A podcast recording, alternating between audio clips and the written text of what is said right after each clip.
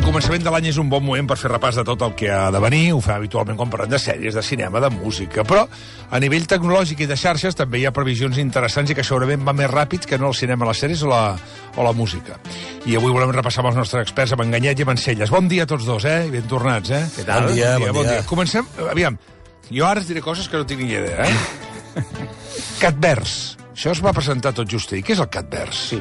Uh, seria una proposta que fa el govern de Catalunya, des de la seva conselleria dedicada també a polítiques digitals, d'entrar en aquest concepte que ja fa uns quants mesos que ocupa tota la premsa del que seria el futur digital del món, que és el metavers. Ai, No confondre amb els multiversos de Marvel i Ja. tot això, eh? I, la, i el món dels còmics, eh? O, o sí, o sí. O sí, o, sí, eh? no sabem. El metavers.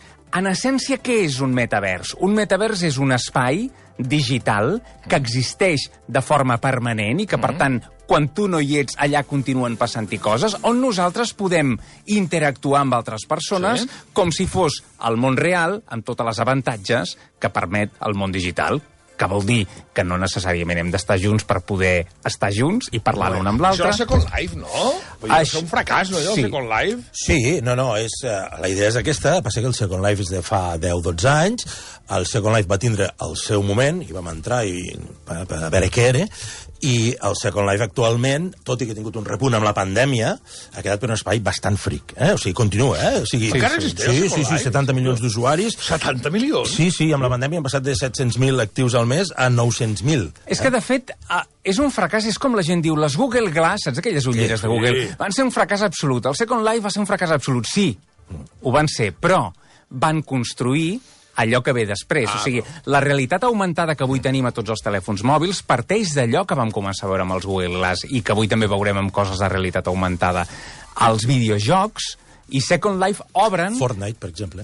el que avui és Fortnite, o el que avui és Roblox, o el que és Minecraft. Sí. O sigui, són... ah, O pels nens més petits, Animal Crossing. O sigui, ja són metaversos que existeixen avui i que tenen això, Va ser un desenes de fracàs, però milions van ser d'usuaris. iniciadors i pioners. Per Obren el camí. Clar. Sí, el, el que hem de pensar és que uh, això del metavers no és que un dia anirem a dormir i estarem a la web, tal com la coneixem ara, i l'endemà ens aixecarem tots al metavers. No, això és una evolució de metaversos, com diu el Jordi, i ja n'hi ha, aquests jocs participatius, Minecraft, Fortnite, eh, hi ha molts jocs d'aquests que ja es poden considerar metaversos. Són espais virtuals on tu hi tens una presència virtual i quan tu dorms allà passen coses. Doncs ja hi és. Ara, aquest món de Ready Player One, que és l'altre gran exemple que sí. es posa del Sí, sí, metavers, sí. Bueno, això ja veurem si hi arribem eh, i quan hi arribem, però el que no serà és d'un dia per l'altre. I això que deies, d'aquests temes en parlem molt, però el que farem de moment aquest any és parlar-ne molt. Clar, Quan parlem del Catverse, jo puc entrar en un ordinador, amb el meu ordinador al Catverse, Sí, sí, sí. realitat virtual Sí. o què és? No? Tindràs una experiència més aviat... Eh, Ai. No, no, o sigui, la, la, la justeta. Vull dir Sí. que, que el metavers està pensat perquè puguem entrar-hi amb ulleres de realitat virtual i que, per tant, puguem interactuar i que puguem fer que estem en aquesta taula Sí. parlant nosaltres tres, però que cadascú estigui a casa seva, però estiguem en una taula, eh? I en una taula digital, i que, per tant, eh, visualment tinguem una percepció completament diferent i també intuïtivament. Què passa? que crec que, que el Catvers és més una declaració d'intencions que no tant un projecte sòlid, perquè bé, ahir Enganyet i jo ens hi vam passejar de bon matí, a les 9 del matí. Últimament eh? ens veiem més al, al metavers que, que, que en la vida real. I veu passar què és? Una coseta, diguem. Estàvem sols, Bueno, estàvem sols, hi havia algú que passava per allí, diu, Sí. anem a escoltar a veure què diuen. hi ha un paisatge de Montserrat molt bonic, molt bonic, una bandera. molt relaxant, una bandera, unes escales. A veure, a veure, jo crec que sí ha de ser, ens hem de, hem de provar coses, ens hem d'equivocar. Sí. De fet, la declaració d'intencions del famosa del Mark Zuckerberg, canviant el nom i posant-se meta, és això, és ser-hi, explorar, veure què funciona i què no, i per veure-ho Sí, no val parlar-ne. eh? Sigui- hi has de ser, hi has de ser, hi has de ser. El, el tema que Facebook, l'empresa Facebook, ja no es digui Facebook, sinó que es digui Meta, i que hagin canviat el nom i per tant ara quan tu entres a Instagram o entres a WhatsApp o entres a Facebook a sota diu un producte de Meta, Meta. Eh? o sigui, Sí. fixa't-hi a totes les Sí, sí, aplicacions sí, que entrem sí, cada sí, dia sí, aleshores, sí, què vol dir això? que aquesta gent que no és només Facebook, sinó que també és Google, també és Apple, els grans estan dient ei, els pròxims 10 anys van cap aquí. O sigui, en aquests pròxims 10 anys tindrem una cosa molt semblant a Ready Player One. La tindrem. Per tant, orientem-nos-hi. Passarà, com diu Enganyet, aquest any, l'any que ve? Evidentment no. dir? Saps qui em va explicar una cosa, Celles? Que fa poc em van dir que aviat, molt aviat, molt aviat, molt més aviat del que ens pensem, estarem al sofà de casa amb unes ulleres de realitat virtual i veurem els partits de futbol sobretot els grans partits, mm. començarem amb un partit i tal, amb realitat virtual. Clar.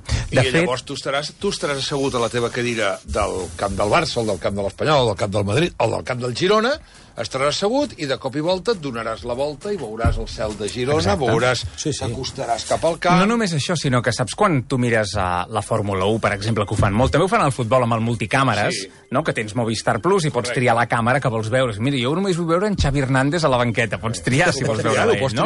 O jo només vull anar amb el cotxe d'en Verstappen, no? Pots triar-ho. Això, en realitat virtual, encara és més poderós, perquè imagina que tu vols fer una carrera de Fórmula 1 dins del cotxe del Verstappen. Tu realment estàs assegut al teu sofà dins. Això no només això, l'NBA ja està fent les primeres proves de retransmetre alguns partits en realitat virtual. Ja ho està fent l'NBA enguany. Sí. Això vol dir que tu pots triar si vols estar a la banqueta, al costat dels jugadors, pots triar si vols estar dalt a galliner, per viure allò, l'ambient de galliner, de, eh, de, de, o vols estar a la posició preferent de la tribuna, i ja pots triar-ho i ja pots fer-ho. I l'NBA, com sempre als Estats Units, i esports com aquests que tenen aquestes franquícies que pensen molt bé en l'espectacle televisiu i audiovisual, ja ho estan fent. Per tant, falta poquet, falta poquet. La NBA ho va fer amb, amb la pandèmia. Va vendre Sí, sí, sí. entrades, eh? o sigui, tu podies comprar l'entrada que volies i estaves allà veient-ho. Uh, queden 11 minuts i vull parlar de dues coses. Una, parlant de la realitat virtual, hi haurà les ulleres... Ara no estan molt popularitzades encara. Hi ha tres ulleres que, que compartirem a la xarxa perquè val la pena veure-les, perquè quan tu t'imagines unes ulleres de realitat virtual, t'imagines les que tenim per PlayStation, per exemple, aquesta cosa que és com una mena de caixa de sabates enganxada davant de la cara. Sí. Bastant incòmode, bastant poc ergonòmic. Però és que aquestes tres ulleres que han anat sortint, les Vive Flow d'HTC, uh, les noves de Panasonic, que encara no tenen nom, i unes que es diuen uh, Megan X de Sheetfall, veuràs que són ulleres molt semblants a aquestes que porto jo ara mateix. Uh, són ulleres molt xules, a més amb un disseny molt espectacular, que uh, ja no és allò de posar-te una capsa davant dels ulls, sinó que són ulleres molt més còmodes i que tenen una resolució, per exemple, les de Sheetfall, aquestes últimes que s'han presentat als secs, són de uh, 5,4K. Eh? O sigui, és una resolució molt potent i que, per tant, ja comença a tenir una capacitat de realisme molt gran. Però no només això, sinó que també existirà el metavers de realitat augmentada que aquesta és una altra cosa, o sigui, la gent de uh, Snapchat, aquesta xarxa sí. americana que es van inventar mm -hmm. els filtres i totes, i llavors tothom els hi ha copiat els stories i llavors Sí, tothom sí, els hi ha sí, copiat. sí. També s'han inventat unes ulleres que es diuen Spectacles, que són Spectacles. Spectacles, que són unes ulleres de realitat augmentada que tu te les poses i, lògicament, us veig a vosaltres, però em va afegint informació, saps com aquelles coses dels carrers de l'espai, de bola Terminator, que del de Terminator. Terminator, Home, eh? Terminator. Doncs això. Això. O sigui, uh, jo, per exemple, que sóc molt mal fisonomista, m'ajudarà molt això, perquè jo veig a persones que em diuen hola, com estàs? No recordo qui és i de cop aquella ullera em dirà mira, aquesta persona és tal, té aquest perfil o no sé on i tot això. Això- Hi ha gent que li fa por, eh? A Sí, mi, sí. A,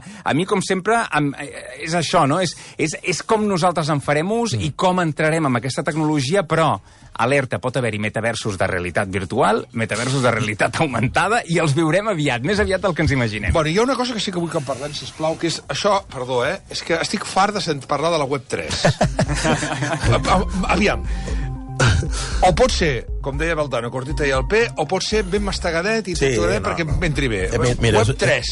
És, és molt fàcil, eh? Hem parlat... Eh, això de posar etiquetes a la web és una cosa que, bueno, ens serveix per, per 2.0, entendre'ns. Sí, una cosa 2.0. això. Al final estem parlant sempre de la web i sempre de l'esperit original de la web. Quin era aquest esperit? Home, fer la informació accessible a tothom, que tothom hi pugui participar mm. i que sigui oberta, que no haguis de pagar o, o bé de passar per Facebook, per Google o per Apple per accedir a aquesta informació. Aquesta, aquesta és la, vis la visió de Tim Berners-Lee quan va crear la web. Això. Aquesta és la web 1.0. La web 2.0, per, fer, per fer això, quan, a la web 1.0, havies de saber programar, havies de saber escriure pàgines amb HTML, pujar-les a un servidor, i això no ho podia fer tothom. Mm. Va arribar, van arribar els blogs, i, ostres, amb un, dos clics tu podies obrir el teu mitjà, explicar al món allò que tu t'agradava, allò que tu sabies. Uh -huh. Això en diem la web 2.0, l'inici de la web 2.0. Però després van arribar les xarxes socials. Va arribar Twitter, va arribar Facebook, van, van arribar, va arribar Instagram, i, és clar això encara es va fer més fàcil publicar continguts, participar, però a la vegada es va fer més restringit, és a dir, això va passar a ser propietat d'uns quants. O sigui, a la web 2.0 tots podem penjar fotos, tots podem enviar whatsapps, tots podem penjar posts a, a Facebook o a Twitter, però si Twitter un dia et diu vostè no pot penjar més, no et pots queixar, perquè això és privat. Correcte. O sigui, s'ha privatitzat. Aquesta web 2.0 que havia de ser participativa, oberta a tothom, tots passem o per Apple o per Google per entrar-hi, perquè has de tindre un mòbil, o si no, Facebook, Twitter i la resta. La web 3.0, és dir, aquestes tantes vegades que ens hem equivocat amb la web, ara fem-ho bé. És a dir, jo cada vegada que faig un tuit, cada vegada que penjo una foto, estic creant valor per una empresa i jo no cobro res. Clar, no tens retorn. No tinc és a dir, retorn. la gent que és molt sàvia, interessant, divertida a Twitter, el que fa és alimentar Twitter. Clar. No, no amb ell i les, al contrari. És a dir, ell, ell és un actor que no cobra per fer una obra de teatre. Quan Exactament. Facebook, quan Facebook va comprar uh, WhatsApp, va pagar a tant l'usuari una milionada, no sé si eren 1.100 milions de dòlars, una, una brutal... Però, però els usuaris no van veure res. Clar, WhatsApp sense a, aquests, aquests usuaris no és res. Llavors, la Web3 és aquesta voluntat, i, i també diré, no serem a la Web3 l'any que ve, en parlarem molt, però no hi serem, és aquesta voluntat de dir, escolta, si tots hi participem, per què no ens hi guanyem la vida tots? Mm. O sigui, algú es pot guanyar la vida jugant partides. Per què? Perquè quan jugues a partides de Fortnite, la gent de Fortnite està millorant el joc en base en com la gent juga. Eh? Algú està participant a Twitter doncs, eh, i està fent tuits enginyosos o informatius o de valor històric, el que sigui. Doncs, ostres, aquesta persona se l'ha de, se de compensar d'alguna manera. Eh, un cas molt, molt clar l'èxit aquell de la Cher, el, el Believe, aquella cançó, eh, que aquell, aqu- aquell Sí, sí, sí, autotune a lo bèstia, allò és una, una equivocació d'un enginyer, que va posar l'autotune massa fort i van dir, no, calla, deixa'l, que està molt bé.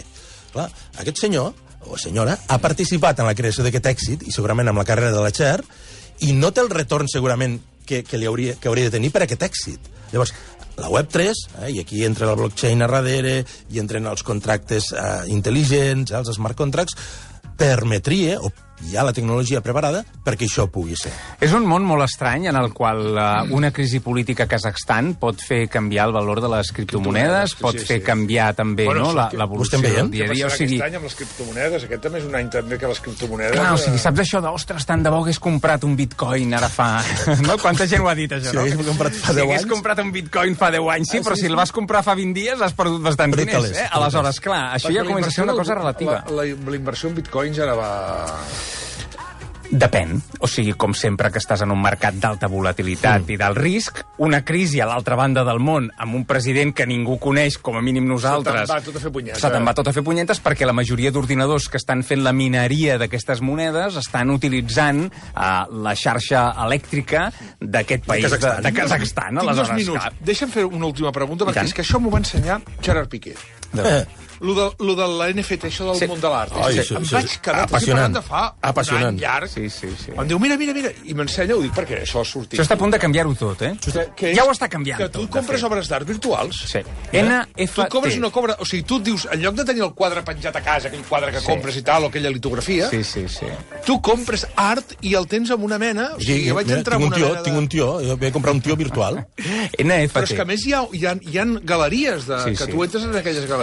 El, el NFT, que és el Non-Fungible Token, és una mena de certificat que el que fa és donar-te a tu la propietat d'un contingut digital. Fins ara això era una cosa molt difícil de poder tenir, fins i tot demostrar, i fins i tot hi ha molta gent que pot dir bé... Eh, però sí que és veritat que ara hi ha una manera de poder demostrar que tu ets el propietari d'una imatge digital, d'un vídeo digital, d'una D'un tuit. Creació digital, d'un tuit... De l'autotune de la Cher. per exemple, Jordi, hi havia una, un gif molt famós que era un gat eh, que es movia així amb un arc de Sant Martí que li sortia de darrere. Sí. Aquest gif el van vendre per 600.000 dòlars. Aquest gif, eh?